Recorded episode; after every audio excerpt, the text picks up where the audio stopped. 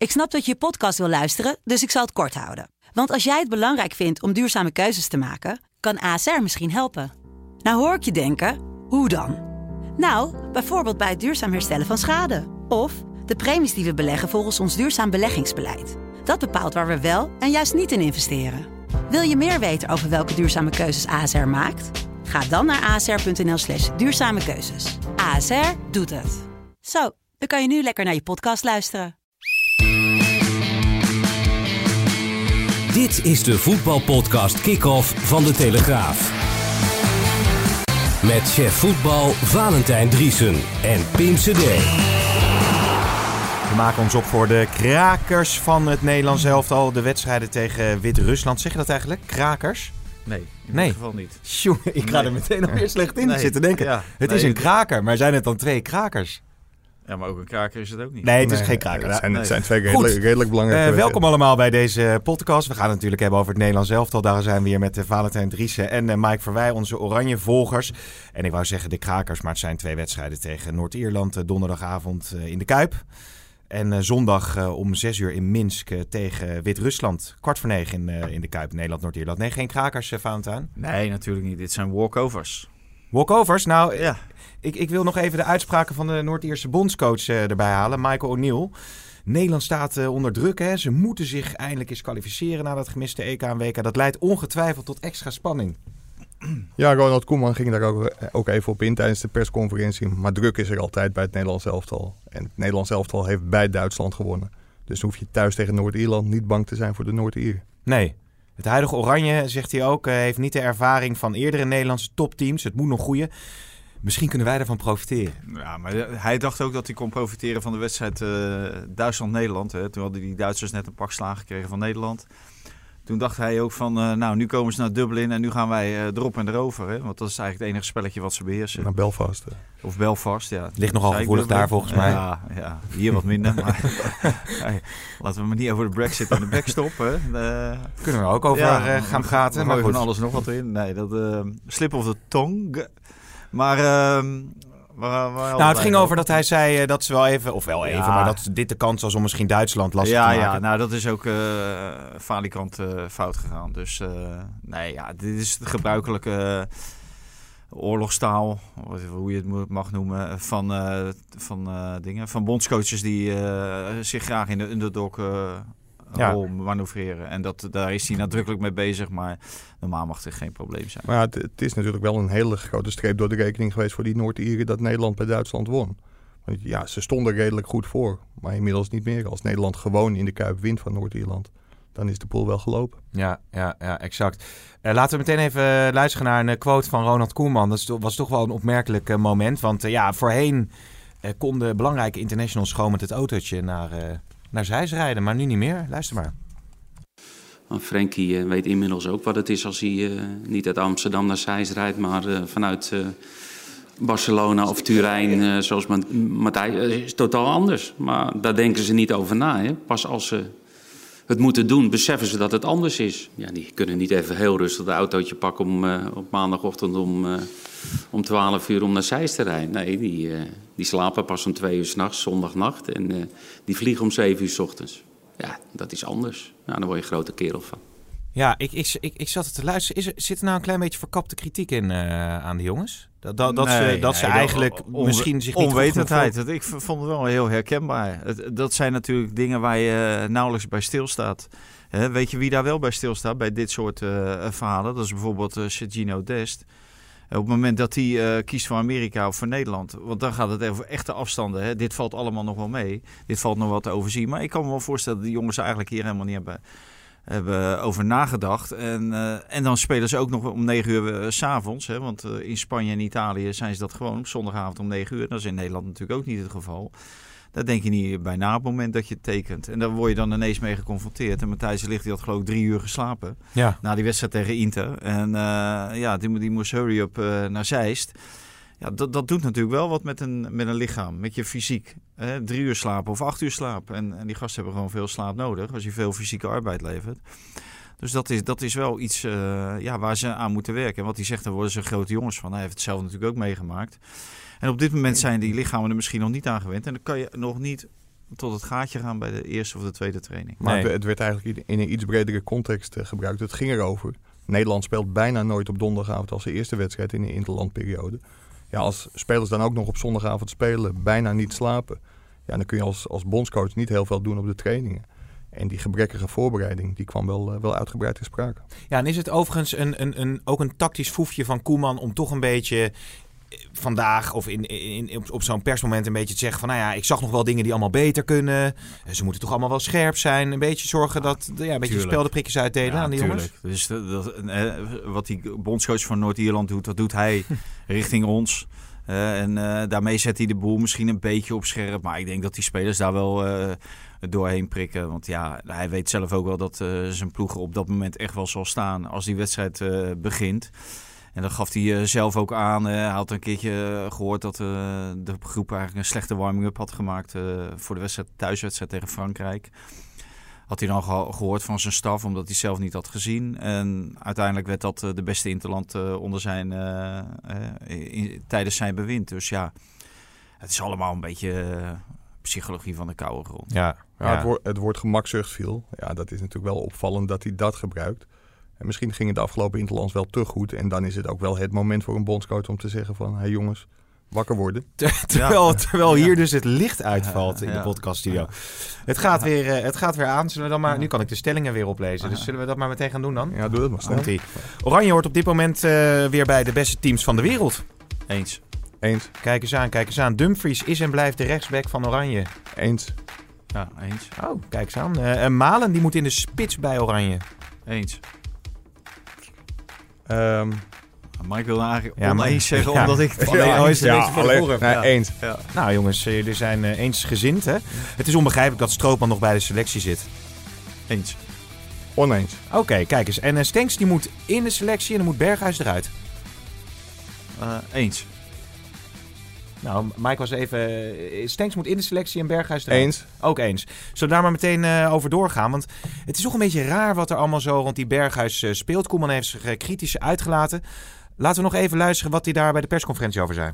kan het misschien iets, volgende keer iets, iets beter omkleden qua, qua antwoord. Maar ja, oké, eh, hij vindt, en, en terecht natuurlijk, dat hij daar al wat over had gehoord. Ja, en dan komt de bondscoach daar nog een keer overheen. Niet dat hij dat gezegd heeft, want ik, ik, ik had al tegen hem gezegd dat ik dat had gezegd. En eh, dat lees je dan niet vaak terug in de kop. En dan eh, zie je één woord en dan denkt iedereen van zo, god, die durft.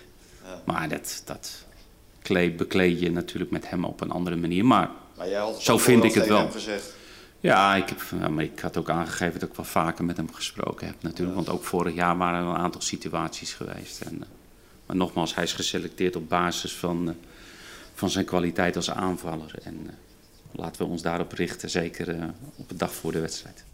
Ja, Valentijn, nog heel even resumerend. Hè? Wat, was ook alweer de kritiek van, van Koeman op Berghuis? Nee, nou, dat hij zich regelmatig verliest natuurlijk in het veld. Als het even, even misgaat, dan komen er frustraties naar boven en dan maakt hij overtredingen. Ja, daar eh, krijg hij het rood voor. eh tenminste, hoor je er rood voor te krijgen. Ja. In Nederland eh, zijn sommige scheidsrechters zien dat allemaal door de vingers. Maar internationaal krijg je daar rood voor. En dat soort spelers hè, die onvoorspelbaar zijn. je mag onvoorspelbaar zijn in het spel, maar niet in je gedrag. En daar, eh, daar hikt hij dan natuurlijk tegenaan. Op het moment dat zoiets kan gebeuren, dan kun je je team natuurlijk benadelen. En tegen Ierland eh, ga je dat misschien wel overleven. Maar eh, Berghuis zou het ook kunnen doen eh, in de halve finale van, eh, van het EK. Dus de, ja, daar houden coaches gewoon niet van. Nee. En dan moet je wel heel veel brengen. En wil een coach daar eh, doorheen kijken. Eh Zidane die, eh, die ging af en toe ook door het lint. Maar ja, die bracht zoveel aan die Franse ploeg. Dus da- daar werd het wel door de vingers eh, gezien. Maar ja, voor Berghuis kan eh, Koeman dat niet door de vingers. Maar is het toch wel opmerkelijk dat hij hem eh, nog selecteert en een kans geeft. Want het is ook weer niet zo dat hij zich dusdanig onderscheidt bij Feyenoord dat je niet om hem heen kan of zo. Nee, daarom. Daarom zei, zei ik ook eh Stenks of Berghuis. Zei jij, Ja. eh, en zei ik Stenks. En dat- vind ik ook. Maar ga je in de schoenen staan van de bondscoach... dan weet je ook wel dat hij wil gewoon op dit moment... zo min mogelijk reuring rond zijn ploeg. Ja. En dat hou je op het moment dat je gewoon de vaste kern houdt. En dan ga je eerst kwalificeren. Deze jongens moeten het uh, Nederlands elftal naar het EK kunnen schieten. Met Stenks of uh, met Berghuis, dat maakt in feite niet uit. Want het gaat over de 17e of de 18e man. Dus daar, daar gaat hij vanuit. En ik denk dat de echte selectieprocedure... die gaat pas uh, vanaf Hmm. maart volgend jaar uh, plaatsvinden. Na, Ja. na de kwalificatie gaat het grote doorselecteren gebeuren. Daarom zei ik ook dat het logisch is dat, dat Strootman er nog bij zit. Maar dat is uit het perspectief van Koeman. Ja, hij houdt vast aan zijn vaste groep. En dat is op dit moment heel logisch, denk ik. Een soort signaal naar de jongens toe ook.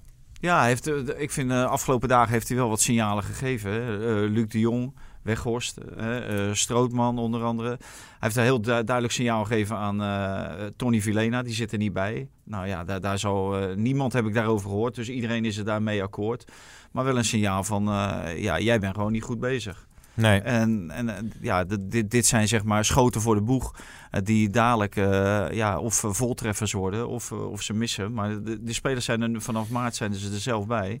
Je zal vormbehoud moeten tonen. Of, of juist een topvorm om erbij te komen. Ja, maar? Wat er bij Stenks misschien ook meespeelt, dat heeft hij volgens mij maandag op de persconferentie ook aangegeven, Koeman. Dat Jong Oranje speelt ook twee heel belangrijke kwalificatiewedstrijden. En als je het nu zo kunt oplossen, door Stenks bij Jong Oranje te houden en Berghuis bij het Grote Oranje, ja, dan sla je misschien wel twee vliegen in één klap. En na de kwalificatie, dan gaat het waarschijnlijk andersom. Ja, niet dat Berghuis naar Jong Oranje kan, dat mag hij niet meer. Maar dan komt Stenks waarschijnlijk bij het Grote Oranje. Ja, maar de- hoe denk je dat, dat Koeman naar zo'n moment, hè, die, die rode kaart die uiteindelijk geen rood eh, was, maar hoe denk je dat Koeman daarnaar kijkt? Belachelijk, zei hij. Belachelijk. Hij vond het echt belachelijk. Een Ja. belachelijke overtreding. Er was ook een belachelijke Maar, maar, overtreding maar, maar, maar hij, hij, het, de- ik had het fragment uitgekozen. Dat hij, hij wrong zich echt in 58.000 bochten. Ik om zeg- een beetje uit te leggen dat hij dan. Dat hij het eigenlijk toch niet helemaal handig had gedaan, misschien. Dat hij misschien iets te makkelijk in de media had gezegd: van nou, ik ben niet blij met het gedrag van ja, Berghuis. Maar, ja, maar dit is Koeman ten voeten uit. Als er iets eh, voor zijn mond komt, dan, eh, dan vloept hij het er gewoon uit. En, eh, en misschien dat eh, later is gezegd van... eh, ja, is het wel handig als, als bondscoach... zoiets roept over een, een speler met wie hij moet werken en zo. Maar ja, zo is hij nou eenmaal. En zo is hij ook tegen journalisten en tegen, tegen iedereen eigenlijk. Af en toe kan hij een geweldige botte boer zijn. Nou, Ja. dat is ook wel mooi, toch? Ja, Ik, ik hoop ook niet Jij dat hij dat... eh, maar ook. Nee, Nee, nee, ik ben heel Nee, maar genuanceerd. ja, altijd. ik. Maar ik, ik hoop wel dat hij, dat hij zo blijft. En zo blijft hij ook. En eh, nou, nu trekt hij misschien eh één teentje terug. Maar eh, kijk, de volgende die over de schreef gaat... Nou, die krijgt echt een draai om zijn oren van hem. Hoor. Ja, ja, Daar precies. is hij niet vies van. Nee, jij deelt die analyse. Ja, Jij geniet, als journalist is het wel genieten natuurlijk Ja, van een bondscoach die we- gewoon zich durft uit te spreken en dit soort dingen gewoon. eh, Laten we dit soort coaches nou eh, koesteren die niet, niet met meel in de mond praten. Want ja, daar, daar zijn er genoeg van. Ja. Koeman zegt wat hij denkt. En dat is eh, ja, voor een journalist heerlijk. Wat ik me overigens afvroeg, hè, want het is wel interessant om te speculeren alvast over dat doorselecteren. Jullie vermoeden dan wellicht dat Strootman en Berghuis een beetje zo twijfelgevallen gaan worden? Die moeten heel Nou, snel. die, die zijn nu twijfelgevallen. Ja, Maar die kunnen misschien in het voorjaar... als eh, Strootman eh, Marseille richting de Spa- of, eh, Franse titel eh, ja. schiet, ja, dan is Strootman eh, geen enkel twijfelgeval. Maar bij, bij Strootman en Luc de Jong en ook bij Berghuis, daar zitten jongens achter die zich wel nadrukkelijk eh, met hun neus tegen het venster drukken. Want je hebt koopmijners voor Strootman dan. Stenks eh, voor Berghuis, eh, die, eh, die goed bezig is. En Weghorst natuurlijk voor Luc de Jong. Dus die jongens zullen wel vormbehoud of, of ja, eigenlijk een topvorm moeten laten Ja. zien. Willen ze die, die jonge eh, contenders, hoe noem je dat, Uitdagers. uitdagers, willen, willen ze die achter zich la- Ja. laten. Want ik moest denken aan, en dat is misschien een beetje far-fetched, wou ik zeggen, ver gezocht. Maar ja, Jasper Sillissen. Ja, misschien raar dat ik hem noem, maar als je die wedstrijd Valencia-Ajax kijkt, dan was het niet zeer overtuigend. En Bizot eh, ontwikkelt zich bij AZ wel goed. Zou, zou dat... Ik, ik roep het maar. Ja, maar dat, ja, dat, Is kun je, dat kun je roepen. Maar Sillis heeft natuurlijk het voordeel, wat, wat Fanta net aangaf. Bij die andere drie zitten er gewoon jongens achter die keihard op de deur kloppen. En dat Ja. heeft Sillis natuurlijk niet. Bizot doet het goed. Maar Sillis heeft veel meer internationale ervaring in het Nederlands elftal. Bij Barcelona, weliswaar in de beker. Nu ook bij Valencia. Ja, daar moet Bizot nog zulke stappen maken. Sillissen is misschien niet zo goed als Onana. Maar nog wel de beste Nederlandse keeper, denk ik. Ja, denk ik ook. En ik denk dat eh Bizot gewoon een derde man is achter Vermeer. Ja, Eh, want vorige keer viel eh, Bizot volgens mij af. En eh, Vermeer bleef erbij. En Zoet is er nu natuurlijk niet bij. Maar dat is een normaal de tweede man. Dus Nee, het- die jongens die kloppen niet echt op de deur. Nee. Ook Vermeer ook niet hoor. Dus eh Sillis is eh, onbetwist nummer één. Omdat we gewoon eh, niet dik in een goede kwalitatieve keeper zitten. Ja, Ja. ver- vergeet ook niet dat Sillis zelfs de nummer 1 was toen hij bij Barcelona niet speelde. Dus Koeman Ja. is wel gecharmeerd van hem, in tegenstelling tot Wim, Wim Kieft. Maar dat, eh, ja, die, die is volgens mij onomstreden. Ja. als, je, als je hier een André Onana had rondlopen, dan had Sillis nooit eh, eerste keeper geweest.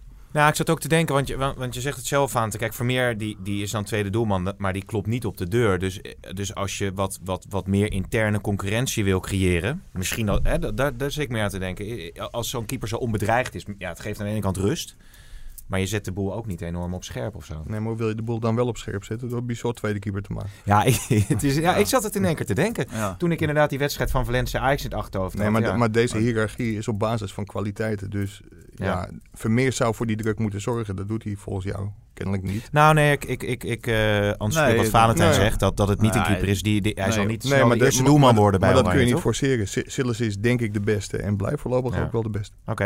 Zullen we dan naar de rechtsbackpositie gaan? Want je hebt dus eh Dumfries. Eh nou, Tate is hier eigenlijk gecharmeerd van, maar die, die speelt niet. Joe Veldman eh, is een optie. En dan heb je ook nog eh Des. Laten we nog even luisteren wat Koeman daar eerder deze week over zei. Dat hij kandidaat is eh, voor de rechtsback-positie. en, eh, en ik beloof eh, niemand wat. Eh, alleen, eh, ik heb in ieder geval op eh, mijn manier aangegeven dat ik toekomst eh, voor hem zie op deze positie richting eh, eventueel een Nederlands elftal. Over Des gesproken. Dit ging over een bezoek wat eh, Hoogma en Koeman eh, hebben gebracht eh, aan Des. Wat denk jij, Mike? Zou hij Des zien uiteindelijk toch als eerste optie op de rechtsbackplek? Nee. Je had het over Dumfries, hè? Dat... Ja, ik, ik denk dat Dumfries op dit moment nog eerste keuze is. Die, die heeft natuurlijk ook veel meer ervaring dan Dest.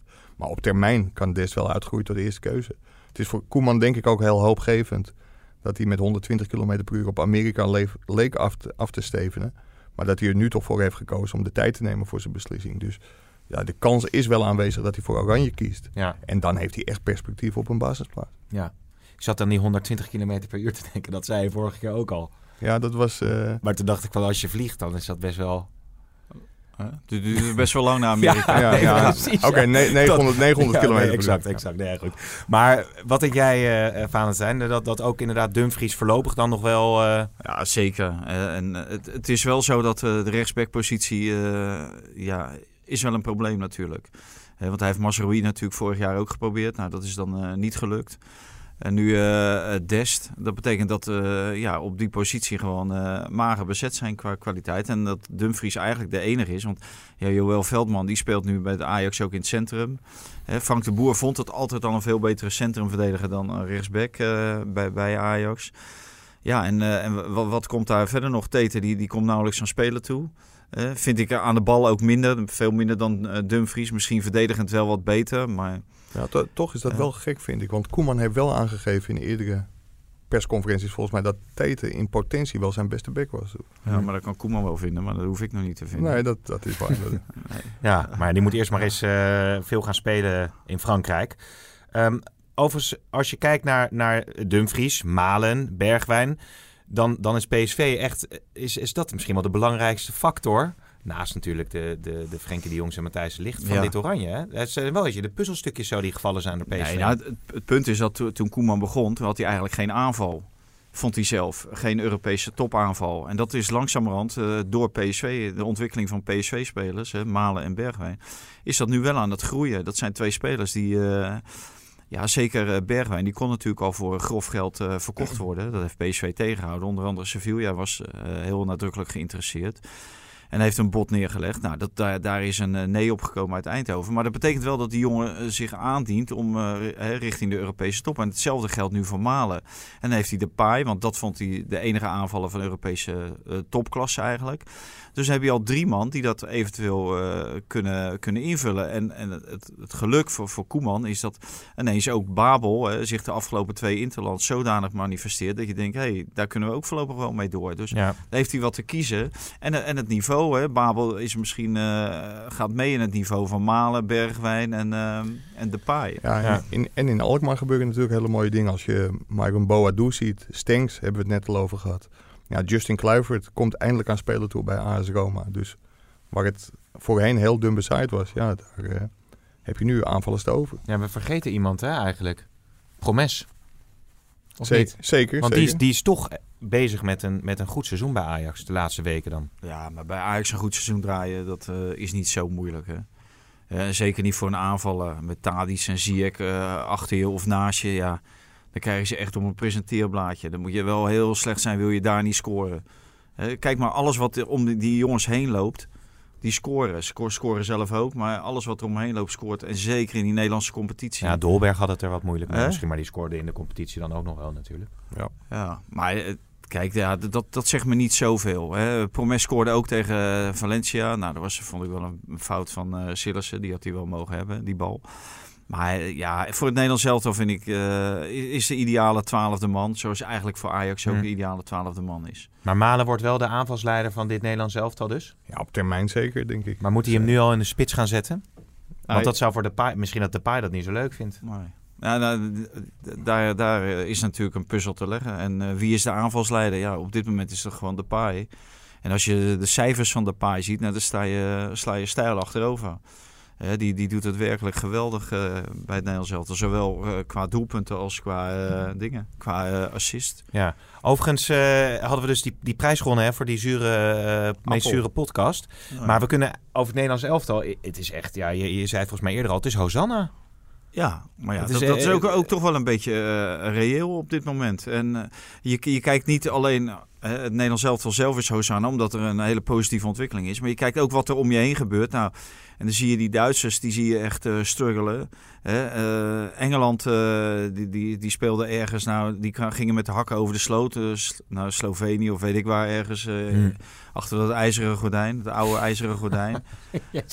En nou, die, die, die Fransen, dat, gaat- dat gaat allemaal maar net aan. Dus ja, de, Ja. de concurrenten, wie zijn dan de, de grote concurrenten? Wie België doet het goed. Die, die doen het goed, maar die spelen alleen maar tegen B-landen. Dus ja, dan Ja. is het ook niet zo moeilijk. Ja, het, het, het mooie is wel, gewoon Nederland zich twee toernooien niet geplaatst. En op Twitter kwam er ook een vraag voorbij van, Ja. wint, wint Nederland binnen 10 jaar EK of een WK? Ja. Ja, en daar, daar kun je gewoon ja op antwoorden. Het is, kijk of ze... Een EK o- o- en of of. Nou, of doe, doe of. Nee, of het ze lukt, weet ik niet. Maar dat je nu alweer in een rijtje met kanshebbers wordt genoemd... ja, dat zegt natuurlijk alles over de ontwikkeling van het Nederlandse voetbal en het Nederlands elftal. Ja.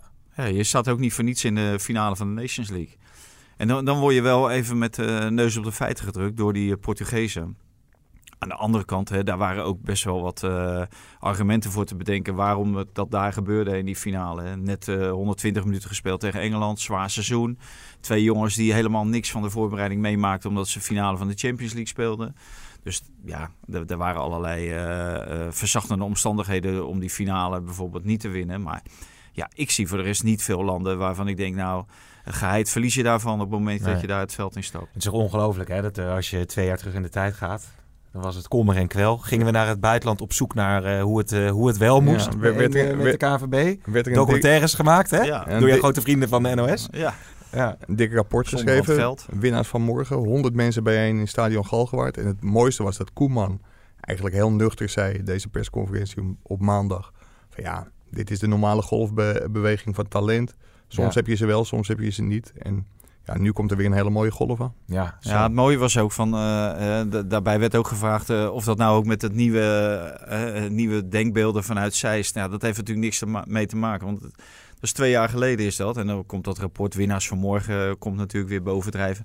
Het heeft het te maken, hè, en Koeman zei dat over dat meer trainen, eh, meer aan fitness en dergelijke. Dat komt omdat deze spelers nu allemaal in het buitenland spelen. En toen, hè, toen het Nederlands elftal eigenlijk een beetje op zijn gat lag, waren er heel veel spelers uit de Nederlandse competitie. En die zijn nog niet volledig ontwikkeld. Ja. En die moeten zich doorontwikkelen. En dat gebeurt in het buitenland. En dat gebeurde ook in de tijd van, van eh Snijder en, en Van der Vaart en, eh en Arjen Robben. Die gingen ook naar het buitenland en die werden daar sterker. En toen groeide het Nederlands elftal mee. Het is gewoon exact. Je, je kan eens in de tien jaar kan je dat plaatje erop leggen. En Ja. over, over tien jaar kan je het opnieuw eh, neerleggen, het plaatje. Het Ja. gaat iedere keer hetzelfde. Wat, wat wel een voordeel is volgens mij, is de spelers die nog wel in Nederland spelen. Als je dan op Ajax projecteert, als je bijvoorbeeld Donny van der Beek ziet.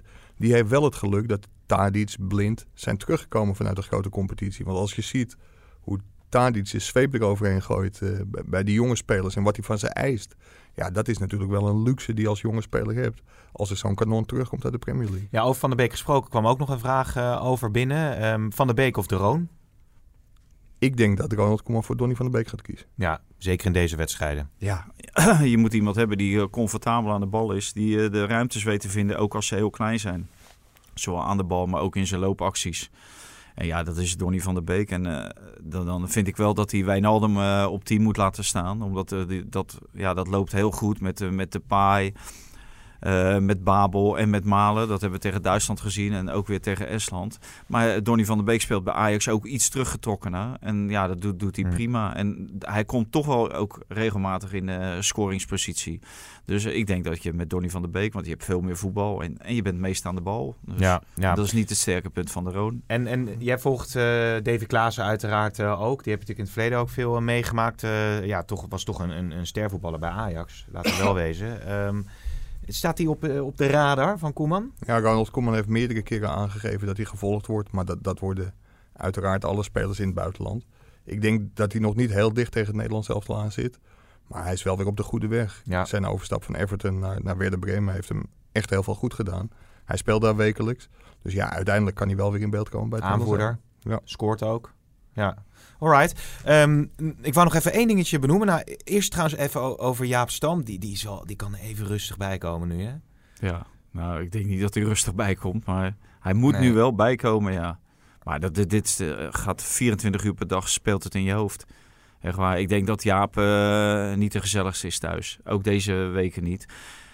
En hij kan niets rechtzetten. Dus, dus je, je, je gaat uh, op vakantie, tenminste op vakantie. Je hebt twee weken vrij, tussen aanhalingstekens. Na zo'n uh, zeepet als bij Fortuna Sittard. Dat, dat, ja, dat gaat niet weg. Terwijl uh, eigenlijk willen ze dan direct liever drie dagen later een wedstrijd hebben. Waarmee ja. je dat gevoel, dat klote gevoel kan wegspoelen. Ja. Maar dat is er niet bij. Dus ja...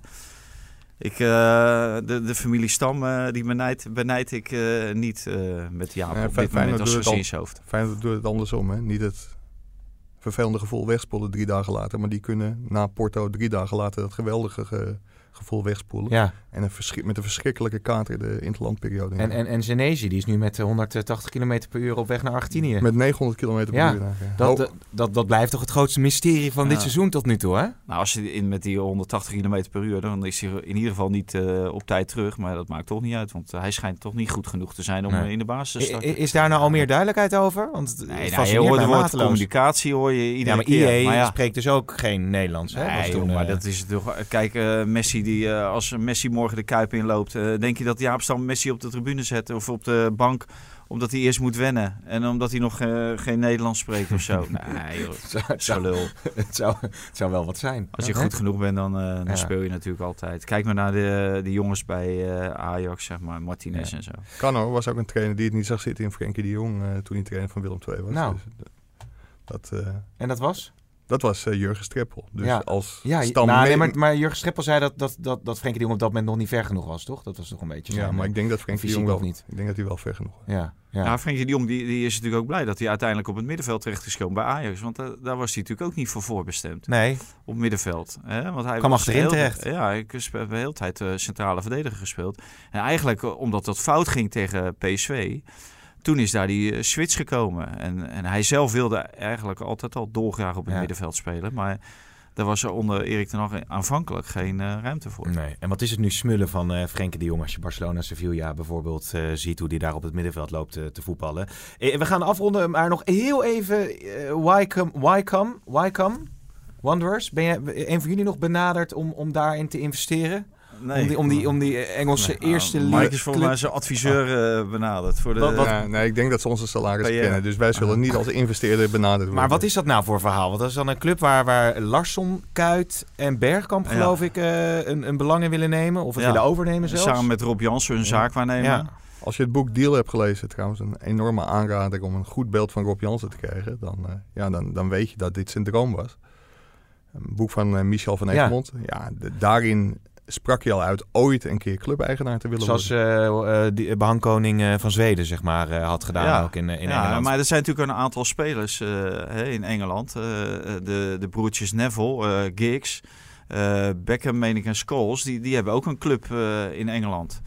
dus, dus die vinden dat geweldig. Ja, als je eenmaal heel veel geld hebt, en, ja, dan is het, kan ik me voorstellen dat het de uitdaging is om een club en dan het op jouw manier te doen. Wat ik wel vreemd vind is Eh eh, Larsson die zit zonder werk. En Bergkamp, eh, nou, die klust wat bij bij Almere City, maar mag geen naam hebben. Ik krijg volgens mij nog 30.000 euro per maand van Ajax. maar Oh ja? Dat, dat terzijde. Ja, nou ja, dus, dus dan, dan heb je ook Zo. voldoende geld om te investeren. Want zoveel kost die club geloof ik niet.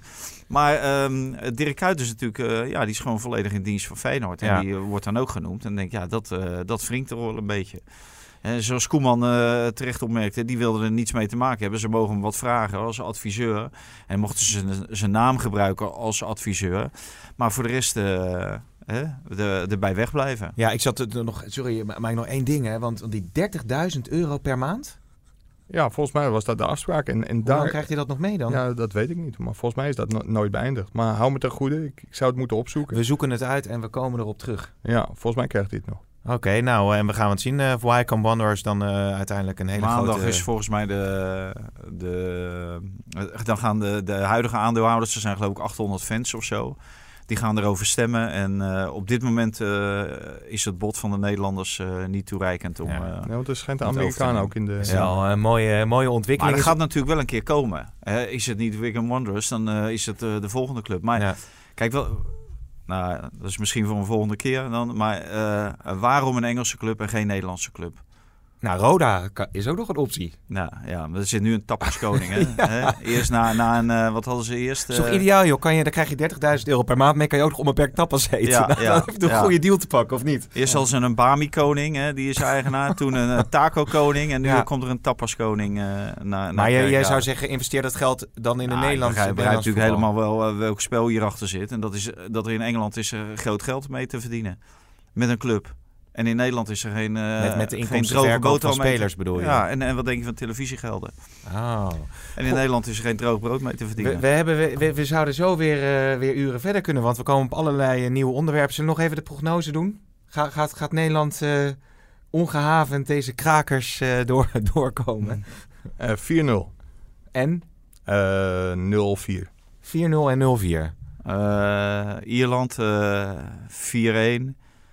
En Wit-Rusland uit. Ja. ja eh 1-3. En, en nog eventjes voor de duidelijkheid. De komende 10 jaar wint Oranje dus een EK of WK. Dat, dat, daar zeg jij ja op. Of. Ja, daar zeg jij ja op. Dat ze één van de twee pakken de komende 10 jaar.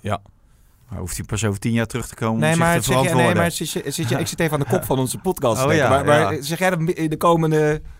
Zes jaar. zes jaar? Ja. Nee, nou, ja, de- deze groep, als je deze groep de, de leeftijden ziet, dan zou Qatar eh, is mogelijk en het EK daarna. Nou, we gaan het zien. eh, heren, bedankt en, eh, en succes eh, in de Kuip en in Wit-Rusland. Minsk. Minsk. Dank. Dankjewel. Dankjewel.